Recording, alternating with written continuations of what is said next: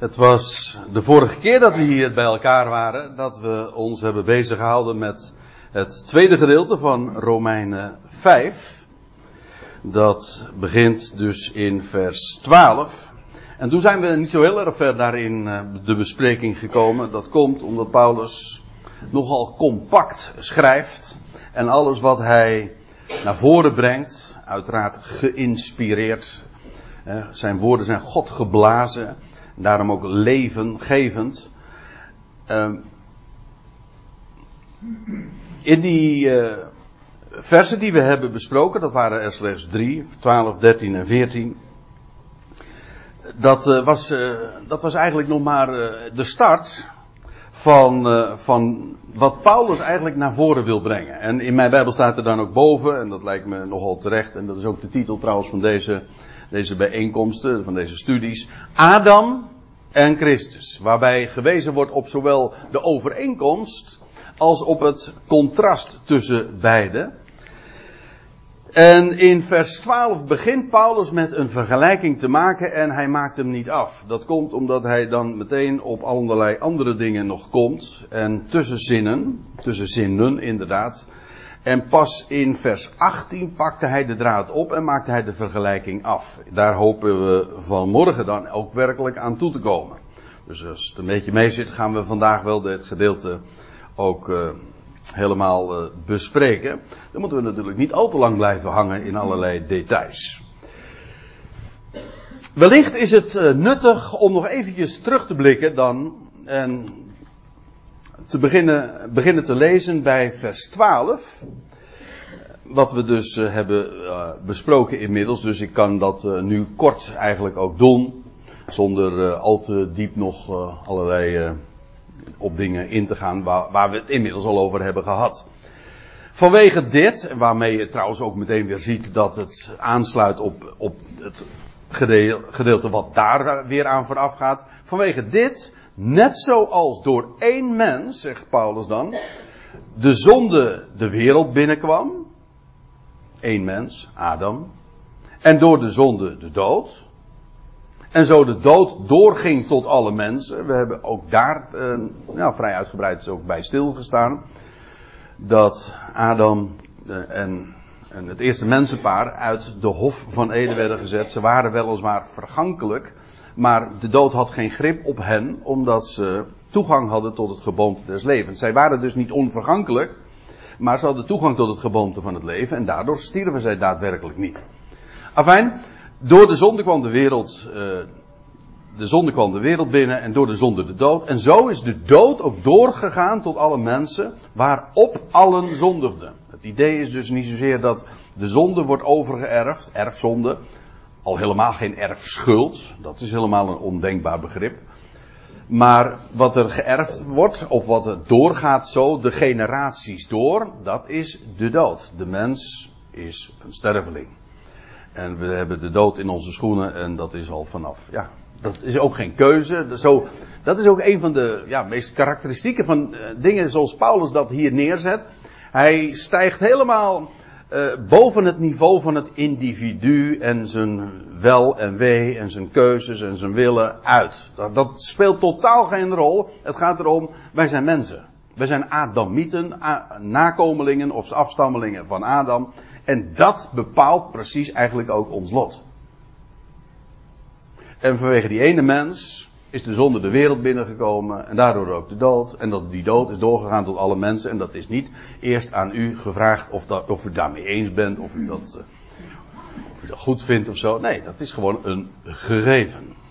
En voordat we daar nou boos op worden of verdrietig om worden, moeten we eigenlijk eens, door, eens doorlezen. Want het blijkt de, de uitvalsbasis te zijn, de opstap naar het goede bericht. Want dat is waar Paulus dan op uitloopt. Zo is de dood door, zo en zo de dood doorging tot alle mensen waarop allen zondigden. Dat wil zeggen, de mens zondigt omdat hij uh, een sterveling is. Dat is het. Waarop allen, dat wil zeggen op de dood, alle zondigden. Want tot op uh, de wet was zonde in de wereld.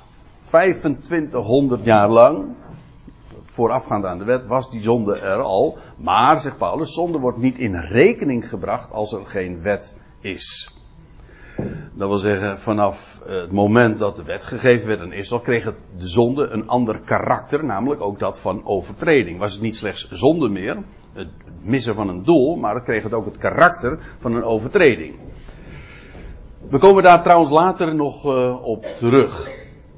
Maar uh, dan vers 14. De dood was koning vanaf Adam tot aan Mozes.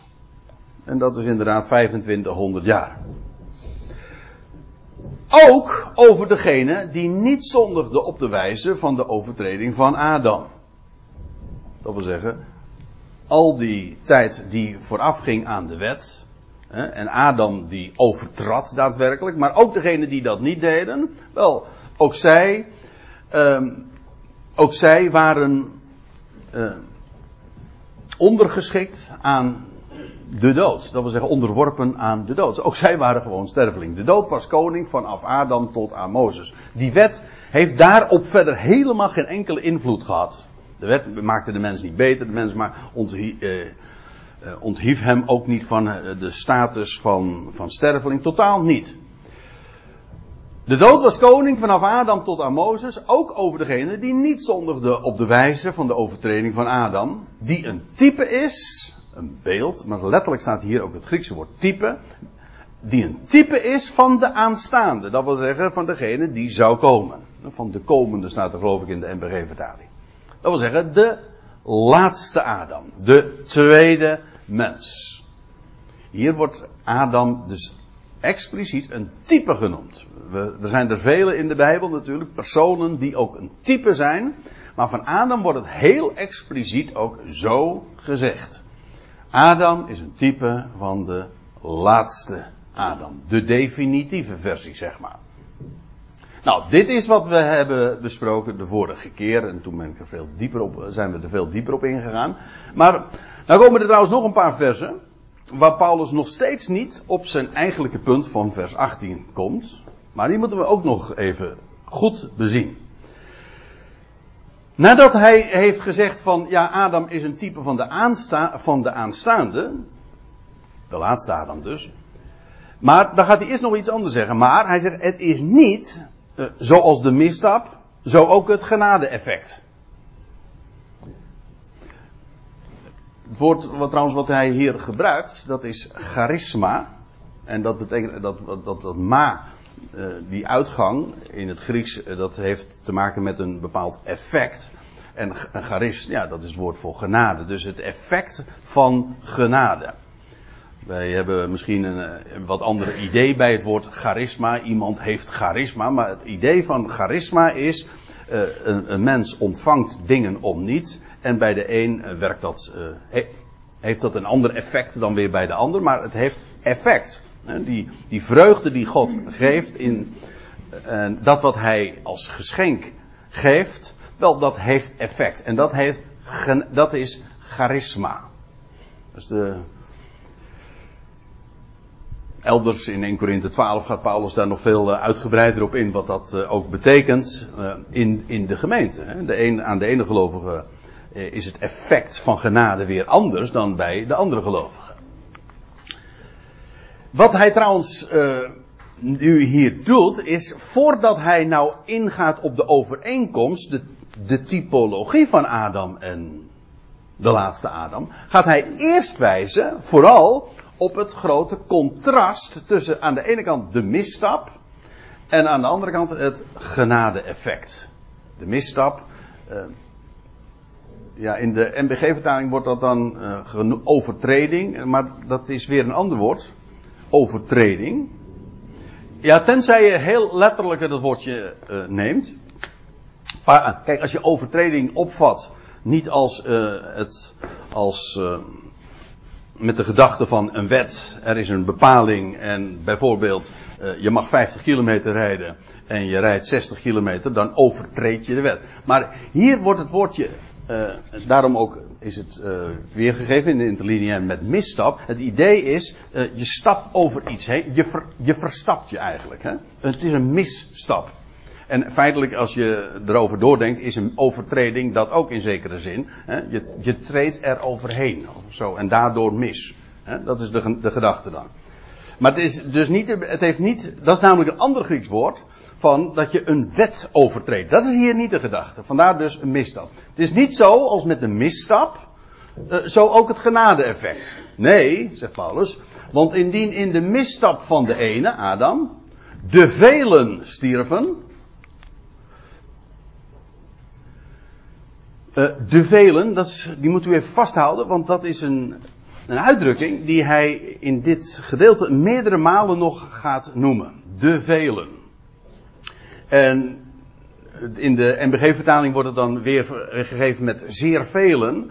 Maar het idee is, er wordt een groep aangeduid. De velen.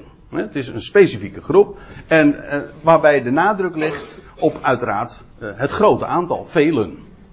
Het zijn de velen. Uh, ook daar kom ik straks nog eventjes op terug. Hier blijkt trouwens, indien in de misstap van de ene, Adam, de velen, zie je het contrast? Eén aan de ene kant. En de velen aan de andere kant. Wel, de velen stierven. Wie, wie zijn die velen? Dat zijn allemaal, alle mensen. Maar aangezien dat er velen zijn, uh, is dat, kun je het ook de velen noemen. Ja, ik zeg het er even bij, om, omdat mensen hebben gezegd van ja, er staat de velen. En de velen betekent dus niet per se allemaal. Dat klopt. De velen hoeft niet per se allemaal te zijn. Maar omgekeerd kun je niet zeggen van, oh, als het allemaal, als het allen betreft, zijn het dus niet de velen. Dat is onzin. Want allen zijn ook velen. Dus, uh, allen, alle mensen, zijn er velen. Vele mensen hoeven niet per se allen te zijn. Hè. Een mus is een vogel, maar een vogel hoeft niet altijd een mus te wezen. Alleen een beetje zuiver blijven denken. Goed, indien in de misstap van de ene de velen stierven, gewoon een gegeven. Uh, daar, hoef je niet zo, hoef je geen hogere wiskunde voor gestudeerd te hebben om dit te begrijpen. Veel meer is de genade van God. En het geschenk in genade. Veel meer. Des te meer. Het is dus niet zo, dat is, dat is mooi hè, als je hierover even doordenkt. De genade geeft niet slechts terug wat in Adam verloren ging. Nee, het is nog veel meer. Dat is vaak het idee van dat, uh, wat, dat, dat God zou herstellen dat wat in Adam verloren gaat en dan is het weer gerepareerd. Maar dan zijn we feitelijk dus niks opgeschoten, je bent alleen weer terug bij af. Maar dan is het eigenlijk dus voor niks geweest. Hè? Nee, uh, nou, als je eenmaal begrijpt dat die genade veel meer is, overvloedig, dan begrijp je ook dat die zonde dus noodzakelijk was daarin. Maar daar hadden we het al bij eerdere gelegenheden ook over, over noodzakelijk kwaad. God is een goede God en hij zet geen kwaad zomaar in. Daar is hij goed voor. Maar als hij kwaad inzet, dan is dat noodzakelijk om een veel groter goed door te geven en te brengen en te schenken. Het is buitengewoon belangrijk. In Christus is er, vindt er niet slechts herstel plaats van de oorspronkelijke situatie voor de misstap. Nee, veel meer komt er juist aan het licht. En veel meer wordt er gegeven.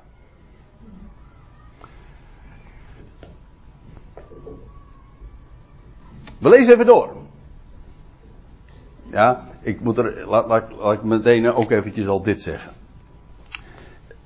Dit, er is Romeinen 5, maar dat geldt voor zoveel passages. We hadden gisteren een studiedag over de Reformatie en toen hebben we deze dingen ook uh, meer dan eens gememoreerd. Uh, hoe men dit zo allemaal de nek omdraait. In gewoon menselijke gedachtegangen. Ik bedoel, op academisch niveau, theologisch, filosofisch.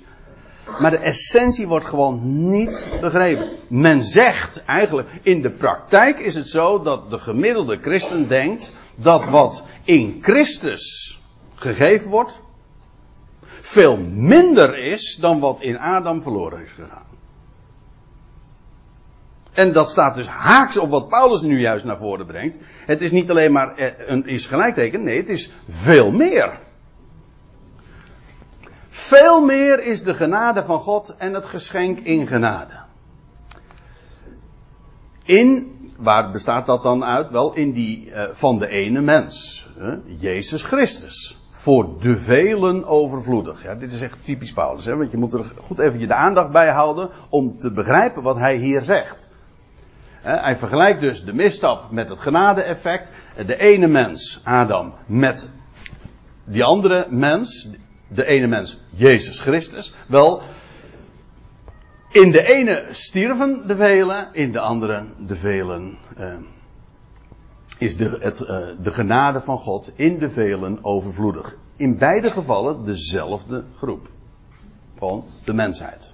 In zijn diversiteit, maar ook in zijn enorme grote aantal. Ik zeg weer, het is de hele mensheid in haar grote aantal.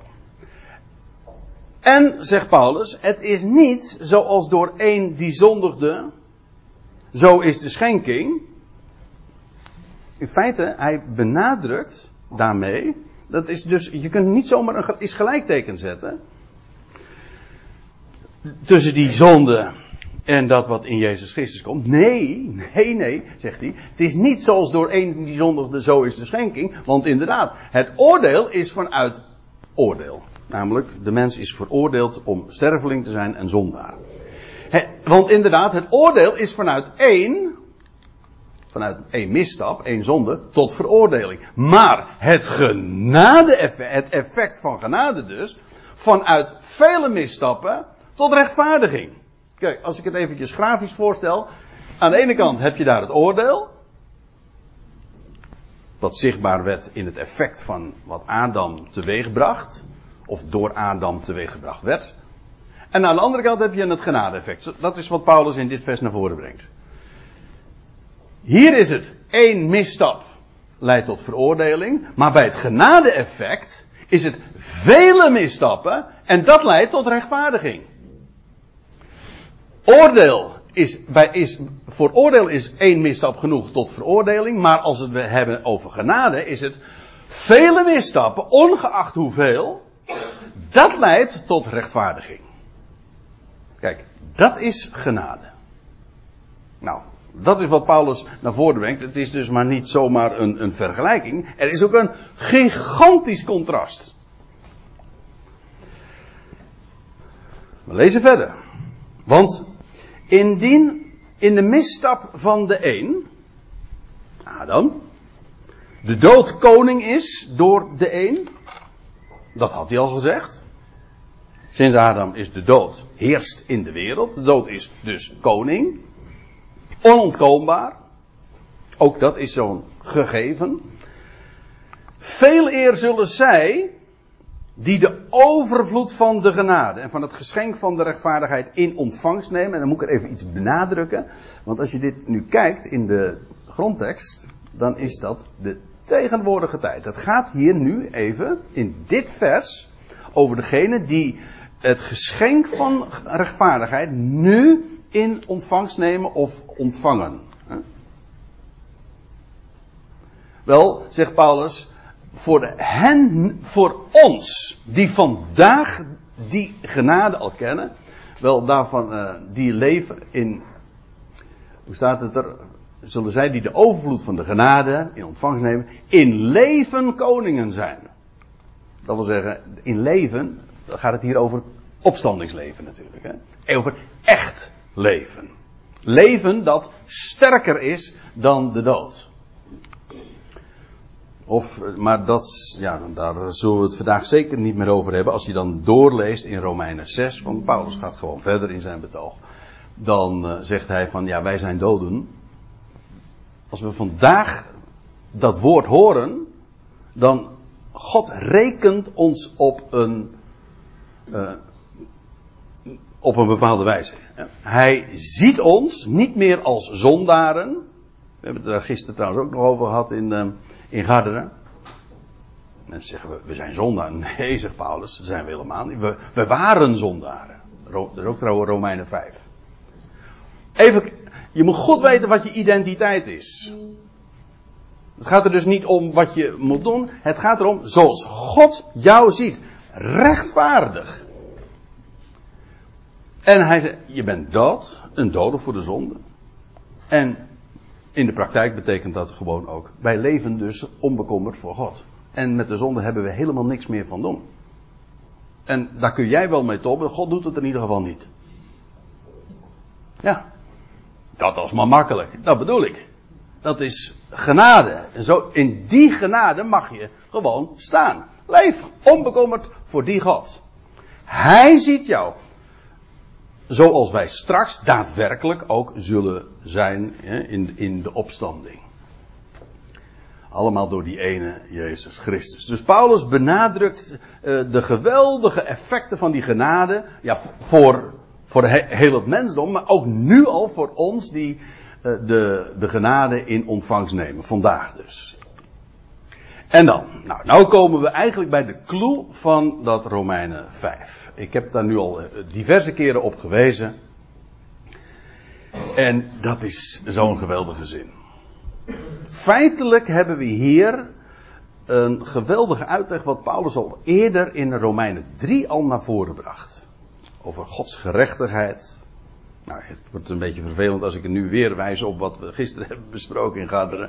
Maar goed, er zijn een aantal van u, eh, die waren daarbij.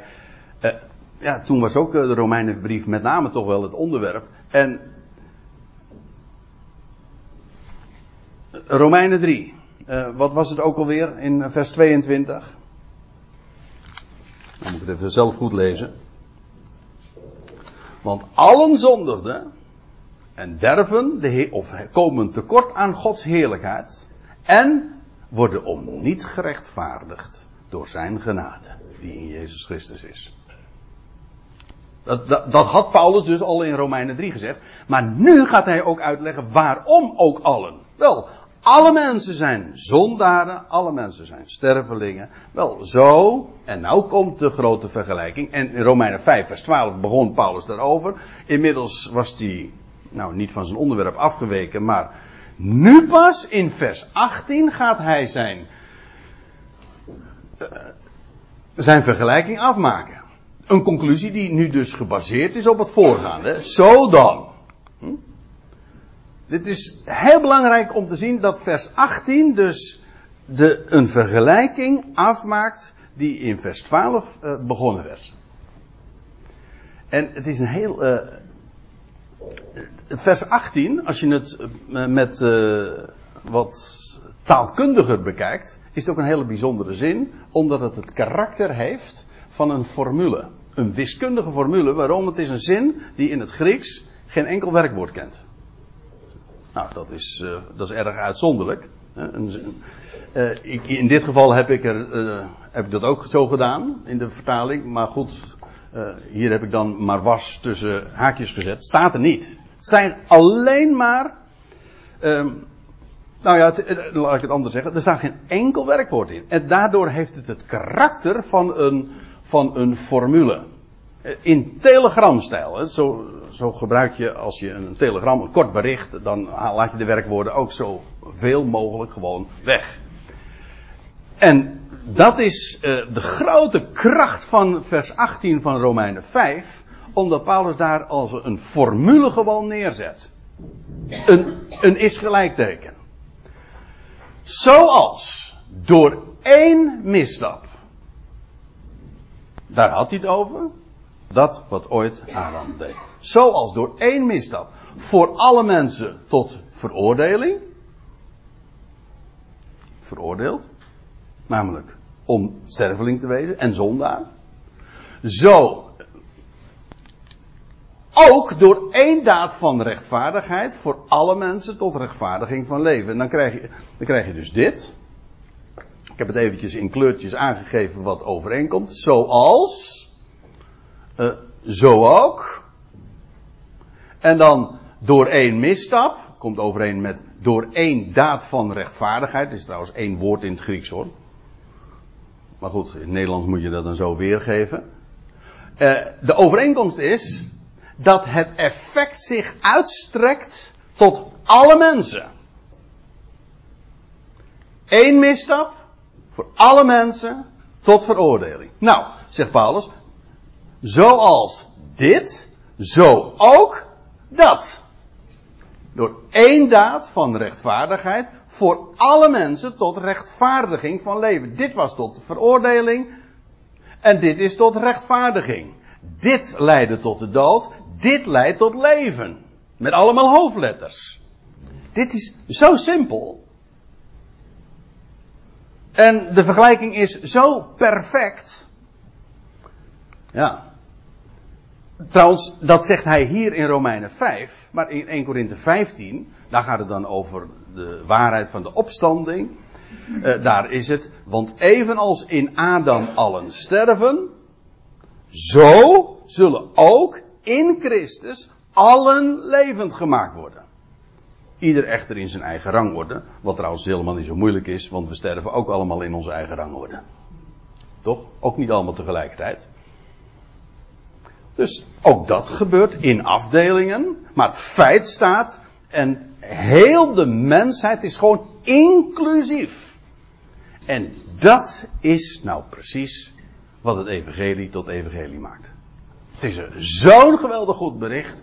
Het is een bericht. Het is een mededeling. Hier is, wordt in, toch niet in aangegeven wat je moet doen. Er wordt niks van je gevraagd. En dat is precies ook de ergernis. Natuurlijk van zo'n boodschap. Want ja, je kunt daar natuurlijk geen. Uh, zeggen, daar kun je geen kerk van bouwen natuurlijk. Hè? Daar kun je mensen niet afhankelijk van. Nee, maar dat is ook. Ja, wil je dat? Het is geen stok achter de deur. Het is een mededeling. Ik heb een bericht. Dit is de mededeling. En wat je ermee doet, nou, dat moet je zelf weten. Maar dit is de mededeling. Ik kan je dit verzekeren, dat wel. Want dat zegt Paulus al in Romeinen 1.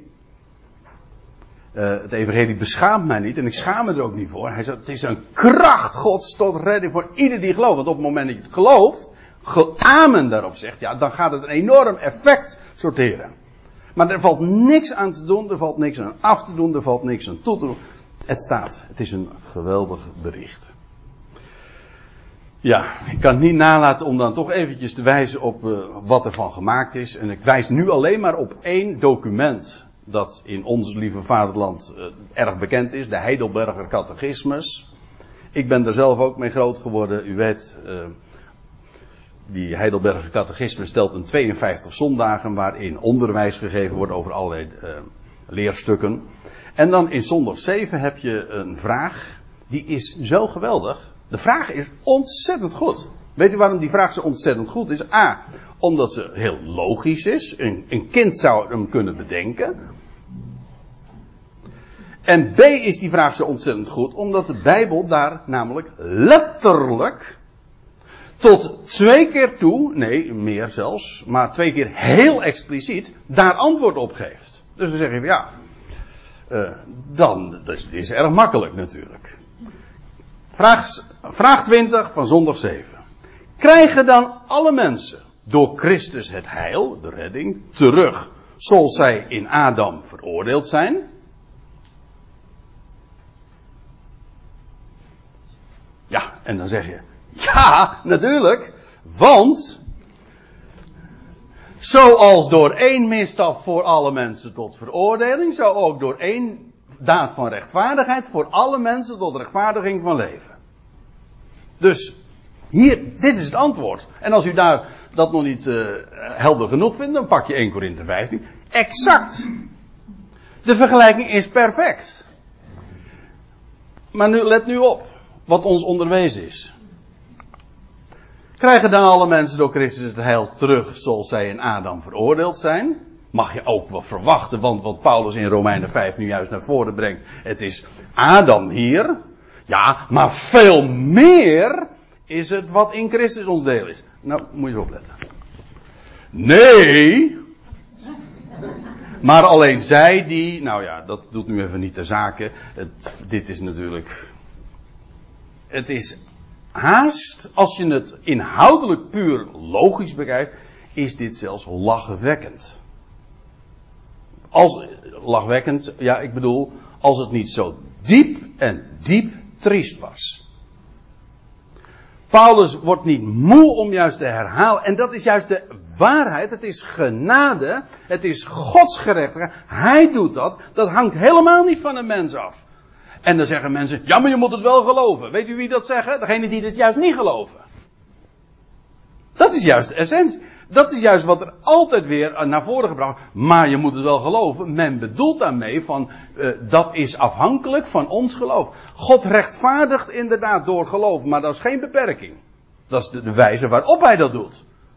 Maar God rechtvaardigt, hij overtuigt namelijk elk mens. Op zijn tijd en iedereen in zijn eigen rangorde, allemaal tot je dienst. Maar hij doet dat. En hoe hij dat doet? Ja, door geloof, door een mens tot die erkenning te brengen. Maar de waarheid staat gewoon. Ik moet u zeggen, dat is dan wel weer de andere kant. Door uh, dat mensen de orthodoxie dit zo neerzet, wordt voor mij de waarheid van Romeinen 5 wel des te grootste en heerlijker. Vooral als je altijd uh, daarmee bent opgevoed en uh, ja, daarmee getopt hebt. En wie, wie heeft dat niet? Of in ieder geval, nou ja, nee, ik ken genoeg mensen die daar misschien niet zozeer mee hebben getopt. Maar de vraag dringt zich zo aan je op. Als je denkt. En dit is, ja, de boodschap die in godsdienst, christelijke godsdienst uh, gepresenteerd wordt. Maar het staat haaks op het evangelie. Maar André, wat was dan het antwoord? Nee. En dan? Maar alleen zij die, ja, ik heb het er juist afgehaald omdat ik juist niet de nadruk. Nee, ja, omdat ik, het doet, het doet namelijk even niet de zaken welke voorwaarden zij daaraan koppelen. Het gaat er eh, vooral om, zij zeggen van nee, die vergelijking gaat niet op. Paulus zegt, Paulus zegt het juist omdat de vergelijking perfect is. Anders is, kijk, anders is namelijk er helemaal geen vergelijking. Daar gaat het namelijk niet op. Dan is dit domweg niet waar. Zoals, zo ook. Nou, als dit niet alle mensen zijn, als dit alle mensen zijn, dan ook dit alle mensen. Dat, toch? En anders is de vergelijking domweg onwaar, niet kloppend en dus onzin. Dat staat er op het spel. En dan kun je, en dan kun je zeggen van ja, maar uh, dat zijn toch niet de eerste de beste die dat zo uh, hebben geformuleerd in zondag 7. Nee, en? Dit, degene die dit optekende, die was geïnspireerd. Die bracht het evangelie onder de natie. En naar dat, dat woord zouden we luisteren. En niet wat men ervan gemaakt werd, maar het was te mooi. En dus moest het evangelie uh, onder het uh, tapijt worden geveegd. En dat is wat ermee gebeurd is. En dat is typisch menselijk denken, of dat filosofisch of godsdienstig van aard is, die de lichtglans van het evangelie niet verdraagt. Nou, ik blijf het zeggen. Dit is zo'n formidabele. En waar of niet? Dit is zo'n kolossale waarde. Dit is het. Werkelijk blijde tijdingen, goed bericht. Paulus gaat nog verder, vers 19. Want, net zoals door de ongehoorzaamheid van de ene mens, Adam, de velen tot zondaars werden gesteld. Hier heb je het weer, de velen. En dit vers 19 wordt nogal eens aangehaald als argument dan van zie je wel, hier zegt Paulus dan toch de velen. Dus niet allemaal. Nou, daar gingen we zojuist al eventjes uh, even op in, dat dat gewoon geen logische redenering, uh, redenering of een logische gedachte, uh, tegenwerping is. Maar bovendien, hier, de velen, dat zijn de allen van vers 18. Bovendien, de velen worden in contrast gebracht, niet met de allen, maar met die ene mens. Dat is de tegenstelling. Eén, de velen. Niet de velen allen. Dat is niet de tegenstelling. Tegendeel, in het ene vers is het allen. En dat geeft aan, er zijn geen uitzonderingen. Het betreft iedereen. En dat het in vers 19 wordt dan benadrukt van ja, die allen, zonder uitzondering, dat zijn er velen. Maar dat is geen tegenstelling. Dus dat wat, kijk, je kunt natuurlijk tegen een rotsblok gaan blazen en schoppen en wat je wil. Uh, die blijft heus wel staan. En dit is uh, ook, uh, trouwens in de vertalingen, en de MBG-vertaling in ieder geval geeft dit weer met, met zeer vele. Maar voor, in de praktijk maakt dat geen verschil. In feite wordt dit, uh, vers 19 is een bevestiging van vers 18. Net zoals door de ongehoorzaamheid van de ene mens de velen tot zondaars werden gesteld. Let op, gesteld. Niet zoals in de NBG-vertaling staat geworden zijn. Want dat zou kunnen suggereren van dat we dat zelf hebben gedaan of zo. Nee, we zijn gesteld. Ook dit is trouwens weer iets waarin je, waarin je ziet dat dit een positie is waarin wij passief zijn geplaatst. We zijn inderdaad zondaren. Hoe komt dat? Nou, we zijn zo ingezet, neergezet, aangesteld, gezet. Dat is een passieve. Dat is iets wat je ondergaat. Je lag in de wieg. Je werd geboren. En. In omgekeerde volgorde natuurlijk, ja. En daar lag een zondaar. Al een geboren doelmisser. En een sterveling. Trouwens, het feit dat je een sterveling bent, dat is al een, een doelmisser. Ja, daartoe ben je gezet, of ingezet, of aangesteld, of neergezet. Maar in ieder geval, het is iets waar je niet voor hebt gekozen. Daar gaat het maar om. Nou, zegt Paulus. Net zoals door de ongehoorzaamheid van die ene mens de velen tot zondaar werden gesteld. Zo zullen ook. Het is geen keuze, het is een, het is je lot. Daartoe ben je bestemd. Zo zullen ook door de gehoorzaamheid van de ene, hij die gehoorzaam was tot de dood, ja, tot de dood van het kruis. Door de gehoorzaamheid van de ene, de velen, heb je het weer, tot rechtvaardigen worden gesteld. Weer exact eh, dezelfde uh, type vergelijking gaat, is haarscherp. Er is geen twijfel over mogelijk. Als je gewoon leest, als je niet verhinderd bent, zeg maar, door ongeloof. Uh, van orthodoxie om dit te lezen, dan kan de vergelijking je niet ontgaan, omdat ze namelijk zo simpel is. Eén was er ooit ongehoorzaam, de verboden vrucht. Het staat symbool voor de veroordeling. En daar heb je aan de andere kant hem die gehoorzaam was tot de dood, ja tot de dood van het kruis. En dat daardoor, door die weg, kwam het leven aan het licht. Het ene was ongehoorzaamheid, het andere was gehoorzaamheid. Het was één mens die dat, uh, die dat deed, die daarvoor verantwoordelijk was in de, in de hof. Maar het was die ene mens die in de hof opstond en het leven aan het licht bracht. En het is door zijn gehoorzaamheid dat het leven aan het licht komt en ook dat de velen tot rechtvaardigen worden gesteld. Al die miljarden mensen, dat zijn er toch velen, worden tot rechtvaardig gesteld. Zoals ze ooit ook allemaal tot zondaars waren gesteld. Ja, terwijl ik het uitleg, denk ik van ja, moet ik er nou nog meer over zeggen, want het, is zo simpel. Maar ik moet u zeggen, deze waarheid ga je verdragen op het moment dat je deze waarheid ziet. Want je zou je natuurlijk, uh, uh, je zou er recalcitrant van kunnen worden van ja, wat kan ik er nou aan doen dat die ene mens dat deed en dat ik daardoor veroordeeld ben om sterveling en zondaar te zijn met alle gevolgen van dien. Ja, maar nu, maar dit is maar slecht, in feite dit is slechts tijdelijk. Dit is onvergankelijk. Dat effect gaat nooit meer weg.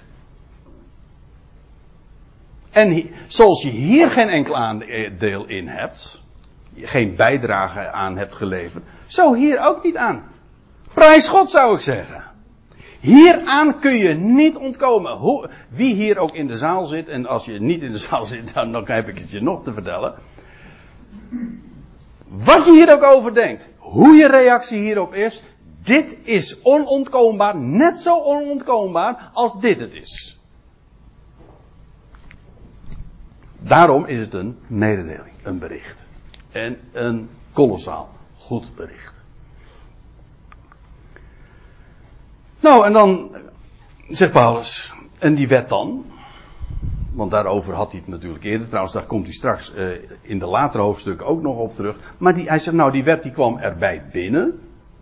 Met andere woorden, uh, dat was pas veel later. Heeft in deze dingen geen enkele invloed. 2500 jaar na Adam werd aan één volk. We hebben de vorige keer daar wat uitgebreider bij stilgestaan. Nou, toen, toen kwam die wet, inderdaad. En dan? Dus die hele gedachte van dat de wet een universele levensregel is voor de hele eh, de mensheid, is gewoon niet waar. Die wet die kwam pas veel later binnen. En dan zeggen wij, ja, Romeinen 5, het is een aaneenschakeling van allemaal van die mooie, geweldige, duidelijke, logische, maar ook onorthodoxe uitspraken. Want lees nou even met me mee. De wet kwam erbij binnen dat wil zeggen, uh, werd later aan toegevoegd. Opdat de misstap zou toenemen. Niet zoals de MBG heeft dat proberen weg te wuiven. En uh, iets, uh, want ja, de kracht van die statement is, was te sterk. En dus heeft men dat iets proberen, iets heel erg proberen te uh, de kracht daarvan te, te ontnemen door het zo weer te geven. De, de wet kwam erbij binnen, zodat de overtreding toenam. Nee, het is niet slechts zodat de overtreding toenam. Nee, alsof het een, eh, een ongewenst bijeffect was. Nee, het was zelfs, het was de bedoeling. Er staat, opdat, niet zodat, opdat de misstap zou toenemen. Het staat hier in de aanvoegende wijs. Het, het was de bedoeling. Opdat de misstap zou toenemen. Waarom gaf God de wet? Algemeen is natuurlijk de gedachte van, uh, nou ja, om de mens te verbeteren. Nee, zegt Paulus, dat is juist niet zo. Die wet werd gegeven opdat de misstap zou toenemen.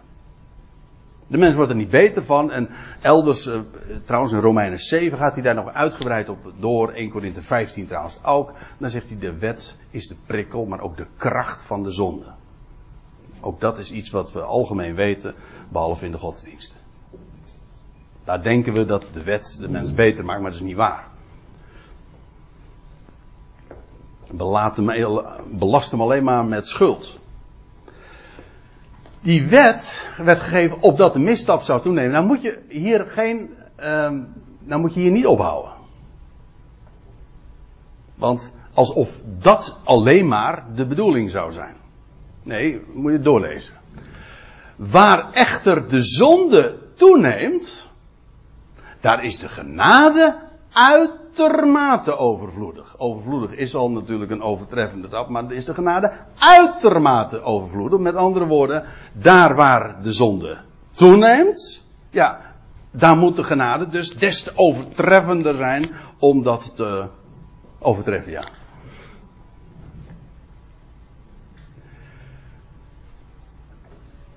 Zie je wat Paulus hier naar voren brengt? De bedoeling was juist dat van God, dat hij de overvloed en het overtreffende van de genade zou bewijzen. En daarvoor was het nodig dat de mens de misstap deed. En daar was veroordeling voor nodig. En die wet kwam erbij om dat alleen maar te doen toenemen. Was dat dan het doel? Nee, dat was een subdoel. Want het uiteindelijke doel was dat, dat waar de zonde toenam. Of toeneemt. Daar moet de genade des te uitermate overvloedig zijn. En daar hebben we precies ook de reden waarom God dat deed en gaf. Het is dus allemaal om te bewijzen wie onze God is in de overvloed van zijn genade en van zijn liefde. Dat is wat Romeinen 5, als je dat leest en op je laat inwerken, tot, tot je zegt.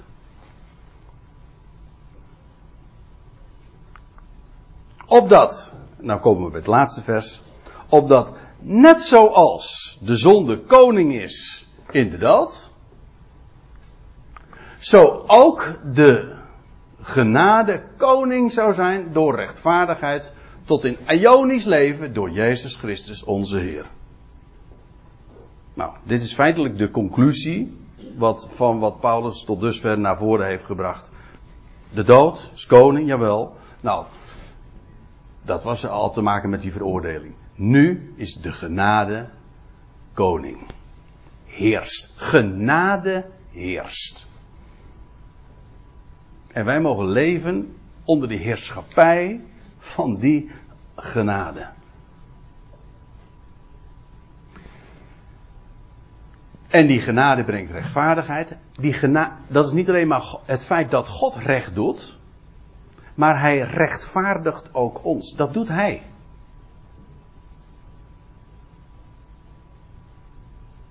God rechtvaardig. Ja, ik, dat is een mooi onderwerp eh, van gisteren ook, hè?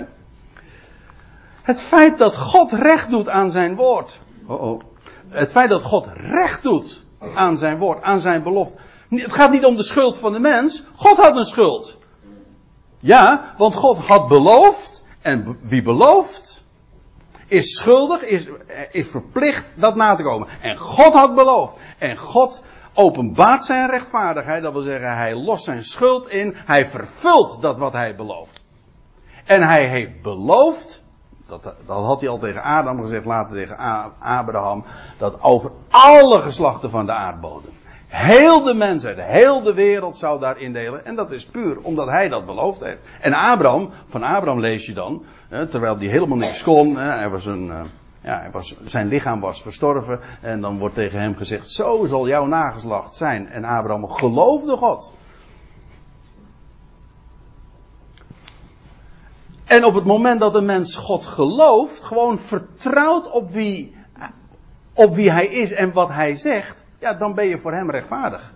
Dat is dus maar niet een juridische overschrijving van dat je dan van je schuld bevrijd bent. Nee, een mens komt tot zijn doel op het moment dat je God vertrouwt.